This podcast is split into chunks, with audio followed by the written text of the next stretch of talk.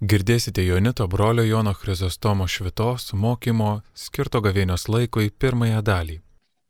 Visiems, kad tikrai norit grįžti prie šaltinio, tokia yra mūsų tema.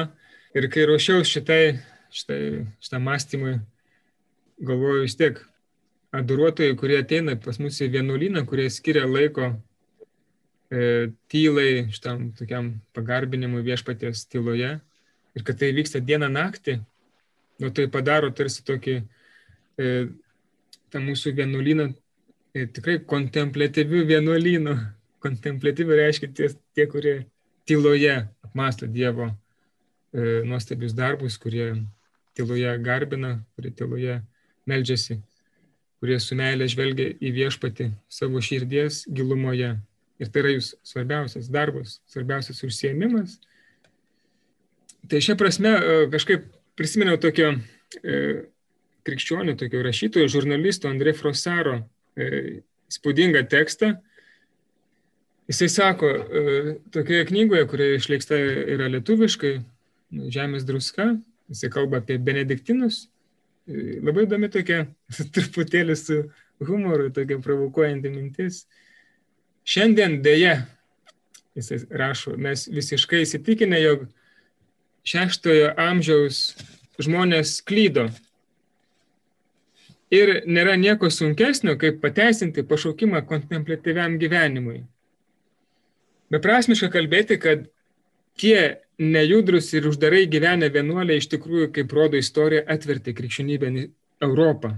Už tai visas mūsų dievo baimingas triūsas nekliudo jai sparčiai nustoti tikėjimu žmonėms nekelia pasitikėjimo šis statiško paštalavimo stebuklas. Ir kontemplatyvaus pobūdžio vienuolyną jie atkakliai laiko paskučiausių dikumo, silpnumo ir egoizmo prieglopščių. Ir užbaigia tokiu lakonišku, tokiu su humoru e, pasakymu. Nu, ką padarysi? Kodėl man ta mintis e, įstrigo? Dėl to, kad padrasinčiau jūs, e, kad tai, ką mes darom, tas tikrai e, esam panašus į tuos dar prieš viduramžius gyvenusius vienuolius, šešto amžiaus, tai čia yra tas amžius, kada gimė benediktinai, kada Benediktas parašė šven, savo regulą, ordino regulą. Ir tokiu būdu evangelizavo Europą per savo tos tokius žydinius maldos, meditacijos, e, darbo dvasioje, tokioje e, nušviestoje Dievo šviesos, orat labora. Adoruotojai, kaip minėjau, yra panašus truputėlį į kontemplatyvius vienuolius. Tikrai būtų galima pasiginčyti, kas didesni e, kontemplatyviai šventojo nubroliai ar adoruotojai. Čia būtų galima tikrai e, pasverti labai įdomiu būdu. Bet tai, ką mes darom, iš tikrųjų, ta malda, adoracija, galbūt tai yra svarbiausia, ką galim savo gyvenime padaryti. E, šito autoriaus jis nėra nei popiežius, nei bažnyčios tėvas, bet jo išvalga yra tikrai labai tokia aktuali ir, ir gili. Tie nejudrus ir uždarai gyvenę vienuoliai iš tikrųjų, kaip rodo istorija, atvertė krikščionybę Europą. Prasme, ne, kaip jis rašo toliau, ne tie kažkokie labai pamaldus, kad ir labai pamaldus e, triūsai mūsų toksai mėtymasis, kažkoks tai veikimas, veržiantis per galvą kartais, kuris perina į aktyvizmą, kartais į beramybę širdyje, gali būti, kad jisai tų vaisių neša daug mažiau negu tų vienuolių statiškų, tokių, kaip ten rašo Andrė Prosaras, E, tokių atrodo iš pažiūros dikaduonių, egoistų ir silpnuolių e, tos maldos, kam jūs reikalingos, kam tokių vienuolynų iš viso reikia. Geriau eitų dirbti žemę, e, kviečius augintų. Tai va, Dievo kisėta tas veiksmingumas, vaisių nešimas tikrai yra, man atrodo, labai svarbus adoruotojų gyvenime. Galime toliau, truputėlį yra neseniai baigusio svarbę savo kadenciją Dievo kultų ir sakramentų tvarkos kongregacijoje, toksai kardinolas Robertas Sara, prieš keletą dienų paprašė popiežiaus, kad jie atleistų iš, iš pareigų, nes sukako amžiaus cenzas, kada jau paprastai atsistatydina visi viskupai iš savo pareigų. Tai jis tokioje knygoje apie tikėjimo, apie tylos galę e, rašo, nenuvertinant misionierių darbo bei jų aukos nuopelnų bažnyčios, didžiausia dvasinė stiprybė yra kontemplatyviai vienuoliai ir vienuolės. Kontemplatyviai yra didžiausia evangelizacinė ir misionieriška jėga, svarbiausia ir brangiausia bažnyčios kūno dalis, kuri perteikia gyvybę bei palaiko visame kūne gyvybiškai svarbę energiją. Dievas pasirenka asmenis, kuriems patikė misiją pašvesti savo gyvenimą maldai, adoracijai, atgailai, kančiai ir kasdieniam aukojimuisi. Prisijimtam už visus žmonės Dievo garbiai. Tai tylos būtybės. Jie nuolatos yra Dievo akivaizdoje, dieną ir naktį jie šlovina jo vardą bažnyčios ir visos žmonijos vardu. Mes jų negirdime, nes jie kontempliuoja nematomąjį. Iš tikrųjų, šitie žodžiai, kurie tinka kontemplatyviems vienuoliams, vienuoliams tinka ir, sakyčiau, tiems, kurie nori artėti prie adoracijos garbinimo šaltinio viešpaties. Nes irgi dieną ir naktį adoruotojai keičiasi, meldžiasi ir adoracijos kuplyčia yra tos kontemplatyvios vienuolijos kaip ir oazė, sakyčiau, tokia keliaujančioji arba nuolat besikeičiančių žmonių tokia e, kontemplatyvios maldos oazė. Ir tas vaisingumas, kurį adoruotojai neša ir kurio mes nematome dažnai, galbūt yra tai, kas laiko. Pavyzdžiui, kas išlaiko vienuolyną, kad nesugriūtų, arba kas laiko uh, mūsų bendruomenės, mūsų šalį ar ne, miestus, kad kažkokiu ne, neįvyktų didesnių nelaimių, e, kad žmonės atrastų viešpatį. Tikrai e, čia ne tai, kad laikas dabar dėkojimams ar panašiai, bet Tikrai paraginimas, pasakymas, priminimas, remiantis ne savo fantazijomis, kažkokiais tai e, įsivaizdavimais, bet autoritetingų žmonių pastebėjimais, kad na, tikrai e, tai, kas vyksta susitikimo su viešpačiu metu ir kai skiriu tam laiko dovanai, na, yra svarbiausia galbūt. Jo akise ir tai, kas bažnyčiai daugiausiai neša vaisių. Dabar grįžtant prie temos pavadinimo, prie adoracijos šaltinio, iš tikrųjų būtų galima suprasti e, labai įvairiai šitą pasakymą. Tai gali būti tokia laiko arba istorinė prasme. E, pavyzdžiui, kada šventajame rašte pirmą kartą buvo paminima adoracija, garbinimo kažkoks tai veiksmas.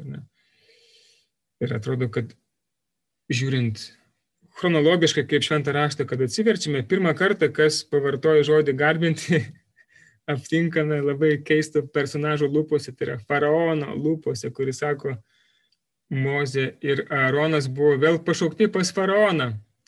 Jis jiems tarė, eikite, garbinkite viešpatį savo dievą. Čia išėjimo knyga, 10 skyrius, 8 eilutė. Ir pirmas, tikriausiai, nu, tiesiogiai su garbinimu susijęs veiksmas greičiausiai bus pirmųjų dviejų brolių aukojamos aukos. Mes skaitome pradžios knygoje, ketvirtame skyriuje. Laikui bėgant kainas, kurio vardą išvertus galima e, būtų sakyti, kad yra, reiškia gautas, arba tai gali reikšti tam tikrą turėjimą, arba netgi išvelgti kalvio kažkokią tai reikšmę. Aukojo viešpačio žemės derliaus atnašą. Vabelis, išvertus reiškia kvėpavimas, savo ruoštų aukojo rinktines, savo kaimenės pirmienas. Viešpats maloniai pažvelgė į Abelį ir jo atnašą. Žinome, kaip tai baigėsi. Šitas pirmas garbinimo aktas minimas e, šventajame rašte baigėsi ne, ne kaip. E, taigi tokia pamoka pirmoji brangieji, kai adoruojame, nesižvalgykime į kaimynus, kaip jie meldžiasi, nes galim baigtis didelėmis pavydo scenomis. Taip pat grįžti prie adoracijos šaltinio e, galima ir suprasti ir e, geografinė tokia prasme e, arba vietos prasme. Kur ta vieta, kur tas adoracijų šaltinis, kokioje vietoje pasaulio jį atrasti. Žinoma, to adoracijos šaltinio mes nerasime, kaip pavyzdžiui, važiuodami į šeimų festivalį, į Mardasavą, kad galime sustoti prie Ulos akies. Ten esantį tokį virduklį, versmę, šaltinį, e, kairėje pusėje nuo asfalto važiuojant iš Varėnos pusės. Ką tik melzdamiesi girdėjom tokius žodžius, kai Dievą, dievą pavadiname visos žmonijos alsavimų šaltiniu iš tikrųjų tai šaltinis, apie kurį mes kalbame per adoracijos šitą rekolekcijas, jos yra ne tik skirtos e, mums, e, tu prasme, adoruotojams, bet ir visiems, kurie, nu, kurios traukia šitą e, santykį su viešpačiu, tai ypatingai tinka gavėnės laikui, atnaujinti savo ryšį su Dievu. Tai iš karto sakau, paslaptis yra atskleista, paprasta adoracijos šaltinis yra pats viešpats. Ten, kur viešpats, ten yra ir ta versmė, kurie atsiveria. Taip pat matome iš apreiškimo knygos šitą citatą. Vienėlis, kuris stovi prieš sostą, juos ganys ir vedžios prie gyvybės vandens šaltinių. Tas šaltinis yra e, čia apreiškimo knygoje dangiškoje Jeruzalėje. Ten kažkur tas šaltinis versmė teka ir viešpats visus tuos, kurie ten yra nukeliavę, arba mus, kurie ten ruošiamės nukeliauti, E, vedžios prie to šaltinio ir matysime, kaip jis atrodo konkrečiai, realiai, akis į akį. Kas tas šaltinis? Ar yra kažkoks ryšys su avinėliu? Dar pamatysime. Na, kalbant apie adoracijos šaltinį, sakyčiau, dar yra kita prasme tokia asmeninė patirtis, nu kur rasti, kaip paliesti garbinimų ištakas e, savo gyvenime, savo patirtį. Tai yra mūsų rekolekcijų toksai tikslas mėginti e, atpažinti savo patirtyje, galbūt šventųjų patirtį, šventų rašto žinioje, na, kur tas šaltinis, kaip gal aš kažkur tai jį esu uh, praėjęs arba užvertęs kokiais rastais, nes galvoju, kad ten telkė tiesiog, gal ten iš tikrųjų šaltinis. Ir e, tai, ką mes darome, iš tikrųjų neužtenka vien tik žinoti apie šaltinį. Ne?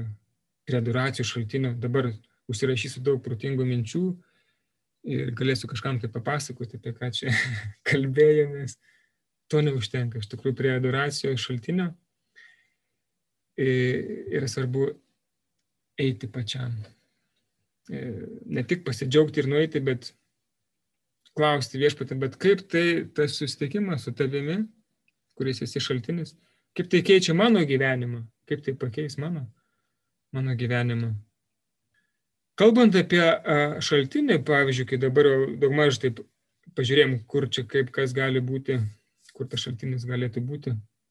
Yra svarbu sakyti savo, kad, kaip minėjau ką tik, kad galbūt esame šalia šaltinių ir nematome, kaip iš to pasakėčius, kur asilas, ten buvo apie asilą pasakėčiai, numiršta dėl to, kad nepakėlė galvos dėl to, kad šaltinis buvo šalia o jisai šalia šaltinio e, nudvėsi, nes nepastebėjo, nepamatė, nebenuėjo kito, kito šaltinio atsigerti. Kokios gali būti kliūtis? Yra visokiausių, kaip minėjau, e, rekolekcijų pradžios tame įvade. Gali būti visokiausios kliūtis, kaip, pavyzdžiui, darbai ir rūpešiai. Ne tai, kad darbai ir rūpešiai apskritai yra kažkokios kliūtis, bet jų gausybė tokia, kad užgožia kitus svarbius dalykus. E, tiek, kad nebeturiu jėgų kapstytis giliau. Kaip pavyzdžiui, e, ta paminėta išrinktosios tautos vergyje Egipto žemėje. Jie jau buvo plakami, nes nespėdavo tų plytų pagaminti, o faraonas sakė, jūs tinginiai norite garbinti į dykumą, nieko, jums daugiau darbo reikia, ne kažkokias dykumas vaikšnėti, tai duoda daugiau darbo. E, ir, ir Izraelis nebepaneša. Mm, dėl to yra svarbu per rekolekcijas e, eiti tą dykumą. Tai yra ypač per gavėnę, gavėnios rekolekcijas išeiti į dykumą, palikti tuos, e,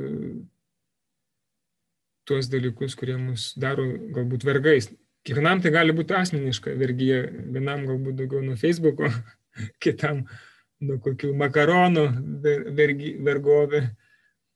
Kam aš vergauju? Jeigu tai ne viešpats, yra galimybė, kad tai yra stabmeldystė arba veda į stabmeldystę.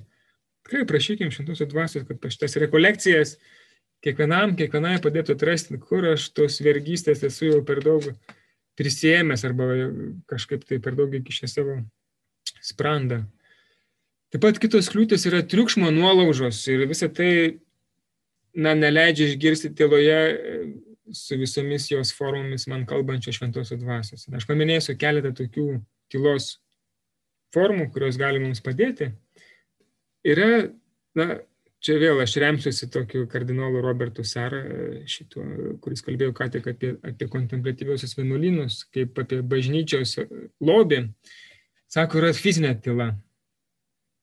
Mums yra svarbu mokėti eiti į tą į tylą, kuri iš kurios kyla veikla. Ne tai, kad žmogaus veikla valdo mano laiką, mano dienotvarkę, ne. Ir kas lieka, tada aš duodu viešpačiu, jeigu lieka, sekmadienį gal ir nelieka laiko. Bet ne, iš tos tylos, e, kaip ir iš, pavyzdžiui, tuo paštalaujančių vienuolių gyvenimo, paprastai visi paštalavimai, visos veiklos turėtų teoriškai kilti iš maldos. E, tai, ką aš atrandu per maldą, noriu dalinti su kitais. E, tai, ką viešpats man kalba, ką aš patiriu per maldą, galiu ir kitiems perteikti. Tai panašiai ir, ir ta fizinė tyla man yra svarbi, kad susidėliotų viskas į savo vagas. To yra klausimosi tyla, tai visokiausi m, triukšmai, kurie gali mane užgošti. Ausinės, na, per rekolekcijas tų garsų šiek tiek reikia, kad išgirsti kažkokią žinią. Bet paprastai jaunas žmogus ir nebūtinai jaunas, e, nuo ryto iki vakaro yra kažkokiame triukšme. Ir jam tarsi yra baisu pasi, pasilikti visiškai tyloje. Tik grįžta moksleivis iš, dar, iš mokyklos, įsijungia kokią muziką, ruošia pamokas, ten daro valgyti kažką tokio. Visą laiką kažkokiam kalbėjime. M1 plus arba ten kokią radiją įsijungia, kai važiuoja mašina ir panašiai žvilgsnio vaizdų tyla irgi labai svarbu, kad nepersivalgytumėm, nes per akis įeina dalykai, kurie veikia vaizduoti, o vaizduoti paskui veikia naktį, košmarai, visokios fantazijos, visokie įsivaizdavimai ir, ir galvoje per akis prieina tokių visokių triukšmų, kur tikrai yra baisu netgi ir adoracijos metu mes teko tikrai su ne vienu kalbant pamatyti, kaip kaip tai labai veikia. Nes kai esam tyloje, visi tie žvėriukai, kurie yra mūsų ten pasąmonėje, vaizduotėje, kažkur jausmuose, įsiskaudinimuose, iškyla. Tada adoracijos tyla gali tapti nepakenčiama, nepakeliama, nes ten visi tie e, garsai, visi tie vaizdai staiga pradeda, nu, pradeda aš juos išgirsti kad ten yra šurmulynas ir sakau, ne. arba reikia adoraciją uždaryti, kažką kitką veikti, arba man įsijungti kokią nors muziką, kad aš negirdėčiau. Ir tikrai žmonėje dažnai bėga e, nuo tos tylos, visokios formos tylos, ne, ten gali būti ir atminties tyla, aistrų tyla, kaip čia toliau parašyta, e, kad kad tik tais nebūtų su savo tai žvėriukais, nes nebemoka tvarkytis ir ten jie visi gazdina, nes yra labai visokių tokių ir pasišiaušusių visokių tų vaizdinių ir visokių ten besikeikiančių ir panašiai, visokių pykčio e, ir daug, daug visokių kitų žvėre, žvėrelių. Arba tiesiog, kurie mus gundo, e, kaip ir Jėzų dykumoje, su visokiais dešrėgaliais, kumpiais, vagūnais iš Egipto žemės. Ten buvo geriau. Žiūrėk, kaip toks sunku per gavėnę išbūti savaitę ten pasninkauti, valgyti e, truputį mažiau maisto, ar ne. Tai va, tos triukšmo nuolaužos mums trukdo iš tikrųjų eiti prie to šaltinio. Ir kaip tas šaltinis yra apvalomas, jeigu toksai pas mus yra mūsų širdyje, o jis yra tikrai mūsų širdyje, tas šaltinis. E, kaip Augustinas sako, aš Dieve galvoju, kad tu esi kažkur ten toli, kažkur tai už manęs, bet koks aš buvau kvailas, nes tiek daug laiko praleidau tuščiai, ieškodamas tavęs išorėje, nors tu manęs laukiai mano širdyje. Tai šitą šaltinį, kuris yra mūsų širdėje apvalyti, iš tikrųjų reikia būtent einant į tylą, kad, kad ir kokia būtų spengianti iš pradžių, tokia erzinanti ir panašiai. Žinoma, e, reikia vėl fantazijos, kūrybos, kad, kad ta tyla nebūtų ausise spengianti, galbūt eiti palaipsniui, pavyzdžiui, iš pradžių pasivaikščioti į gamtą. Gamtoje ritmas yra nežmogaus ritmas, ta prasme, nežmogaus to tokio vis greitėjančio kažkokio tai skubėjimo tokiam pasauliu, kur viskas turi kuo greičiau, efektyviau, veiksmingiau suveikti, nes kitaip ten tu prarasi laiko, pinigų, darbo, našumą ir panašiai. E, gamtoje, kai lyja lietus, kai ošia medžiai, kai jūra šniokščia, ten nėra skubėjimo. Tai yra ritmas, kuris um, mus nuramina. Galbūt antroje, trečioje pakopoje įeisime į, į tylą, kur grinai, pavyzdžiui, kokiam kambaryje, kokia duracijos kaplyčia, kur tik tais burzgė koks nors tylus kondicionierius, bet paprastai daugiau kitų triukšmų nesigirdi. Kita kliūtis yra svarbi kliūtis.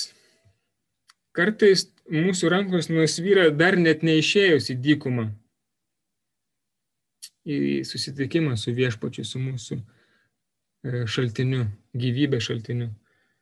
Ir kam, kam visą tai norim daryti? Tai aš dabar, jeigu kažkas jau galvojat, e, kad ne čia pataikėt, e, jau viskas jau atsibodo arba jau užtenka, tai bent vieną mintį, sakyčiau, tokią svarbią mintį, kurią reikėtų pasakyti, išgirsti per tas rekolekcijas, dėl to aš sakau jau pirmą mąstymo eigoje,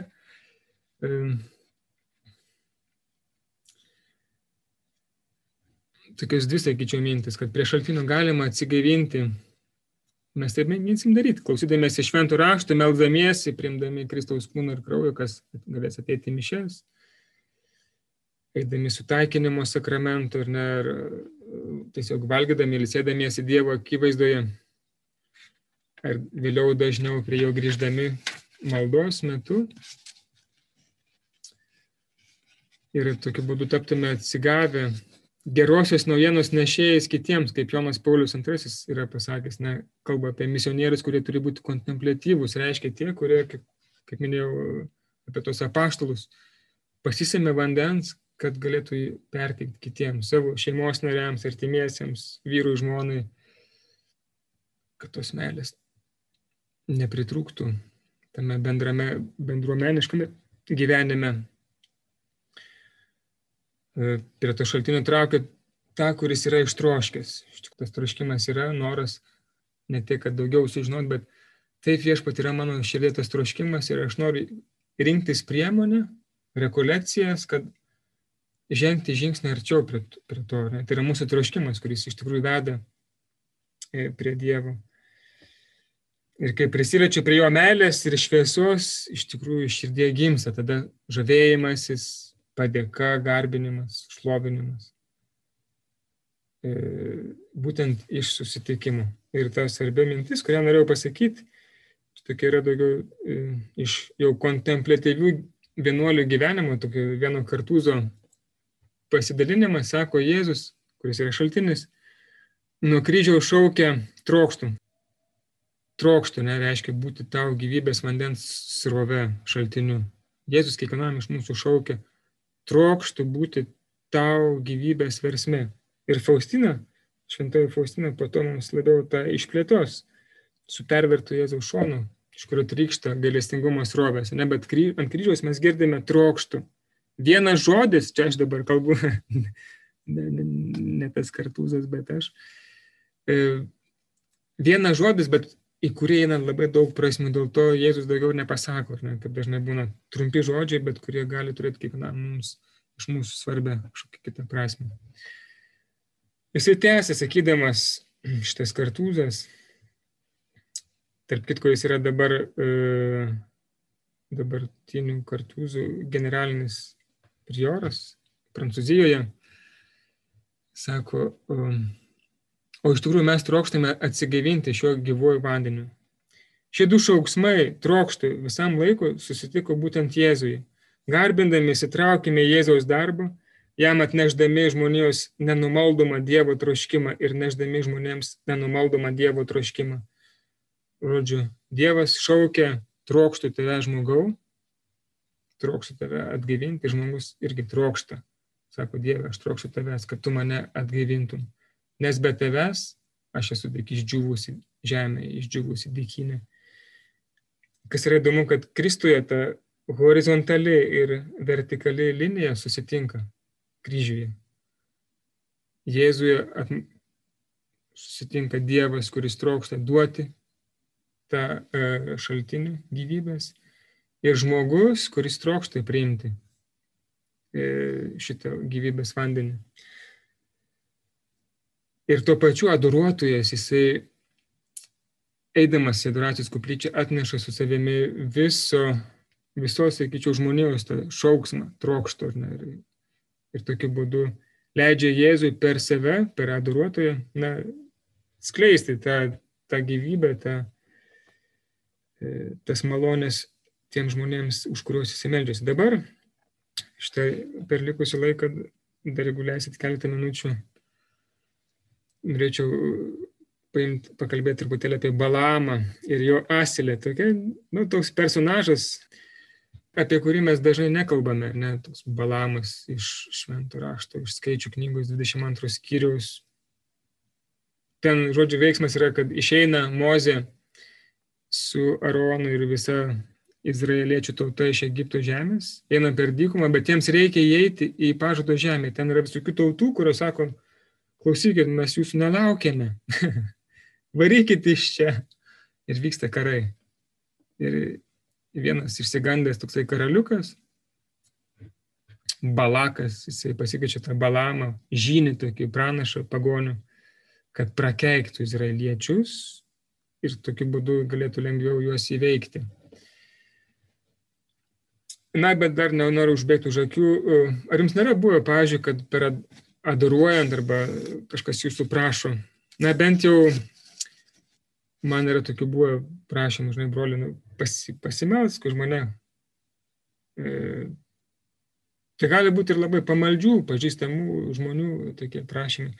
Na, pasimelsk už mane, mane taip visi persikė, nu, taip visi puola, nu, pasimelsk. Arba, e, nes ten mano vyras žmona, nu, toks negeras, taip blogai su manimi elgesi. Pasimelsk, kad truputėlį viešpats jam proto įkrėstų. arba, arba ten mano kaimynė tikrai ragana, e, kad ten, žodžiu, pasimelsk, kad kažkaip jin susivaldytų. Arba ten pasimelsk už mano brolius ir seseris. Tikrai yra labai sunki situacija šeimoje, jie niekaip nenori su manim dalintis palikimu, nuvyksta tokie barniai ir panašiai. Arba mano viršininkas taip uja, nu jis tikras, jis, jis tikras yra diktatorius, pasimelsk, kad ten susitvarkytų reikalai pagaliau. Arba mano vaikas ten yra koks nors stuobrys, nu, neklauso manęs, niekada manęs neklauso, nedaro taip, kaip aš noriu, kaip aš sakau. Arba, pažiūrėjau, tokių, tokių būna kategoriškų. Nu, reikia melstis, kad pagaliau tas Putinas arba koks Lukašenka ten greičiau numirtų, žinai. Nu, va. Nežinau kaip jums, bet šitie tokie panašus prašymai yra panašus, kažkuo panašus į, į Balako prašymą, kad Balamas prakeiktų tuos e, priešus Izraelio tautą, kuri čia nori dabar užkariauti juos. Dievas, čia skaičių knygų 22 skyriuje, Dievas atėjęs pas Balamą tarė. Dievas, tai prasme, Izraelio Dievas kaip per pranašą, nors jis yra ir pagonių pranašas, kalba su juo. Kas yra tie vyrai, kurie apsistoja pas tave? Balamas Dievo atsakė, Moabo karalius Balakas, Ziporo sūnus, atsiuntė man tokį žodį, štai iš Egipto atėjo tauta ir apdengė visą žemės veidą. Tada teik ir prakeik juos. Galbūt aš pajėgsiu ją nugalėti ir išvaryti. Dievas tarė Balamui, su jais neįsi, tos tautos neprakeiksi. Ji yra palaiminta. E, kas buvo tas Balamas? Tai yra toksai mesom, Mesopotamijos, žodžiu, mesopotamiečių pranašas, žinys, kerėtojas. Balamas išvertus iš hebrajų kalbos reiškia ne iš tautos, svetim šalis. Labai įdomi ta jo vardo reikšmė. Tai yra Beoro sunus, e, kuris nepriklausė izraelitų tautai. E, Moabo karalius žodžiu, išsiuntė pasintinius pas Beoro sūnų Balamą į Petorą, kuris yra giminaičių krašte prie Eufratų upės. E, tai yra Balamas yra tų Balako tautiečių, ten berods muabiečių, muabiečių kažkokias e, gen, giminės, panašios gentis. Midianas, Moabas, Midianas, tokios buvo pagonių tautos, kurios gyveno tuo metu e, dabartinėje Palestinoje. Petoras siejamas su Aramu, senovės Sirija, rytų kalnais, tai yra rytų kalnynas, žemos kalnų virtinė Sirijos dykumoje, netoli Eufrat upės, Balamo miesto Petoro. Taigi Balakas, matome vėl šitame, šitoje ištraukoje, vėl pasiuntė kitą kartą, net didžiunus, didesnį skaičių ir garbingesnius negu buvo pirmieji. Atvykę pas Balaką, jie taip kalbėjo. Prašyčiau neatsisakyti pas mane ateiti. Aš tave didžiai pagerbsiu, ką tik man sakysi, aš darysiu. Ateik maldauju, prakeik man tą tautą. Bet Balakų pareigūnams Balamas atsakė. Nors Balakas atiduotų man savo sidabrų ir auksų pilnus namus, aš negalėčiau padaryti nieko, mažiau ar daugiau, kas yra priešinga viešpaties mano Dievo įsakymui. Ta naktį Dievas atėjo pas Balamą ir jam tarė, jei tie vyrai atėjo tavęs pasišaukti, kelkis ir eik su jais. Viešpats, matot, keičia truputėlį savo taktiką. Iš pradžių sakė, niekur neįsi, dabar sako, eik, bet daryk tik tai, ką aš tau sakysiu daryti. Viešpatės angelas tarė Balamui, eik su tais vyrais, bet kalbėk tik tai, ką aš pasakysiu tau kalbėti. E, čia primena vietą e, jau šį kartą Naujajame testamente, kur Marija sako mokiniams, darykite, ką tik jis jums lieps, ką viešpats lieps. Ir tada įvyksta kano stebuklas. Vanduo pavirsta vynu. Darykite, ką tik jis jums lieps. Yra tokių panašumų ir iki šiol su, su Balamu viskas yra tvarkoje jis, atrodo, nu, tikrai e, viešpats jam kalba, daryk tik tai, ką aš tau sakysiu ir matysime, jis tai darys. E, Balamo atveju e, vis dėlto yra kitas toksai niuansas. Nors pranašas, pranašas, ne, aš paskui paaiškinsiu, kodėl taip ilgai kalbu apie tą balamą, nes yra ryšys su adoruotojais. Nors pranašas protu ir suvokia, kad jokie turtai negali ir neturi jo nukreipti nuo Dievo įsakymo, valios vykdymo, Visgi slaptas godumas rezga jo širdėje machinacijas, kažką jis yra sumastęs, kaip pasipelnyti iš tokios geros progos. Na, ir Rūpšys, prelatas Rūpšys komentuodamas šitą e, vietą sako, kad kelionė sukėlė Dievo pyktį. Ne vien dėl to, kad Balamas keliavo pas Balaką, kelionė jis turėjo Dievo leidimą, mes matome ką tik skaitytame tekste, bet turbūt dėl to, kad buvo godumo gundomas prakeikti Izraelį, nepasidamas Dievo įsakymų.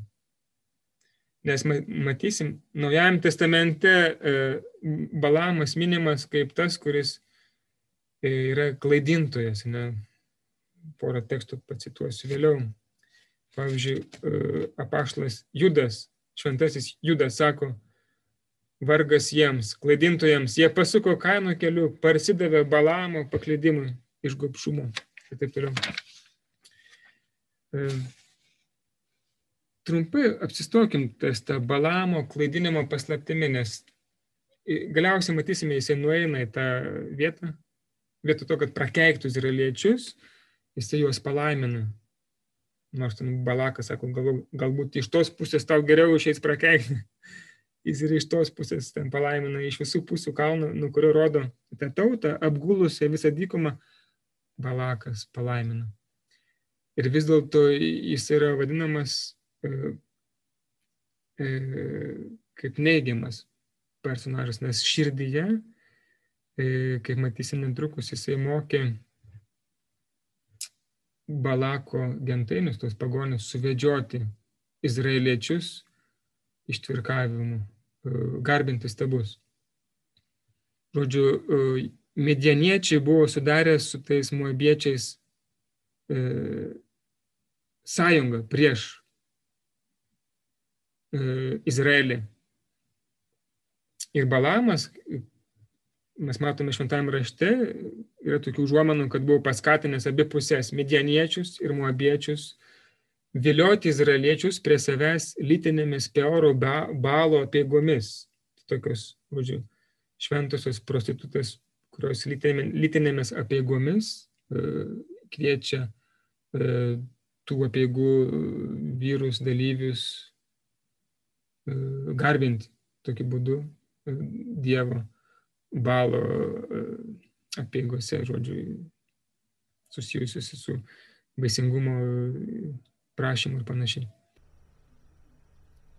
Girdėjote Jonito brolio Jono Chrizostomo švitos mokymo skirto gavėnios laikui pirmąją dalį.